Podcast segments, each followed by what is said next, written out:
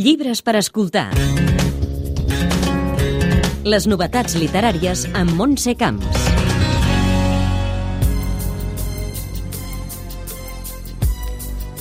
L'escriptor i professor de Sociologia Guillem Sala publica El Càstig, editat per l'altre editorial. L'escenari és un institut del Besòs i els protagonistes són una professora, la Sandra, i un dels seus alumnes, l'Ethan. La Sandra, amb una difícil relació familiar, se sent constantment jutjada, no té gens d'autoestima i arrossega una culpa que la porta fins i tot a autolesionar-se. L'Ethan és un noi de família humil que és víctima d'agressions i és agressor alhora. Dues persones que han patit de manera diferent un càstig i que s'alien per aïllar-se'n.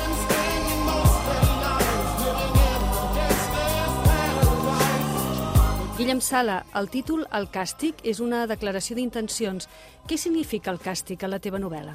Un càstig és una agressió. Tu has fet malament, ara jo et faré mal. És la pedagogia de l'opressor. Jo crec que això resumeix tota una filosofia educativa. I és el dia a dia en moltes escoles i en moltes famílies. Vull dir que les institucions educatives també són repressives. Per això creixem espatllats. Deia Montaigne que aquell qui enfadat imposa un càstig no corregeix, sinó que es venja. És la història de dues persones que pateixen i tu dius que la novel·la és una protesta contra l'obligació de ser feliç. Però si ets infeliç sí que és culpa teva, no? perquè hem après que fins a cert punt som responsables de les nostres emocions. Per tant, ser infeliç s'ha convertit en una, en una vergonya. No? I sembla com si el patiment fos una anomalia, quan en realitat forma part de la vida. Jo, jo volia escriure sobre, sobre un personatge que pateix i que no es redimeix a través del patiment. La Sandra pateix perquè així és la seva vida i què? No, no hi ha una cura màgica, no hi ha, no hi ha una altra vida. Fins a quin punt has traslladat la teva experiència com a professor al que passa i als escenaris de la novel·la? Com a professor he après un parell de coses que, que suposo que es traslladen a la novel·la. Una, per aprendre bé necessitem autoestima.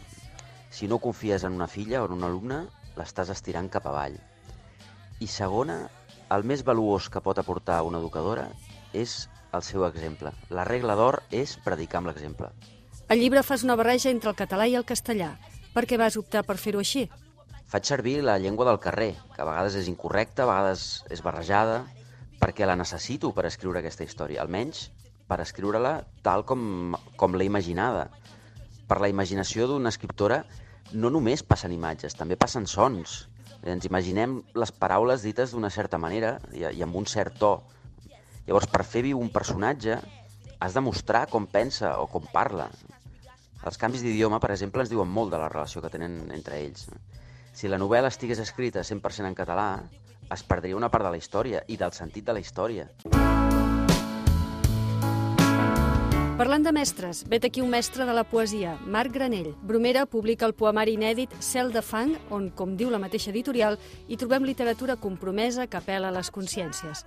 Li demanem al poeta com afecta la pandèmia la seva obra. És una tragèdia realment que crec que no ens adonem prou de la tragèdia que significa però que venia com-se. I és el que ha anat jo intentar reflectir en la meva poesia perquè veia vindre aquesta, diguem-ne, tragèdia, catàstrofe final. No ens podem oblidar que tenim, i jo crec que en un dels poemes dels quals estic més content, que són a defendre la responsabilitat que tenim els humans d'haver arribat a aquesta situació. I acabem amb una altra novetat destacada, la publicació de la correspondència inèdita entre Josep Maria Benet i Jornet i Feliu Formosa durant la dècada dels anys 70.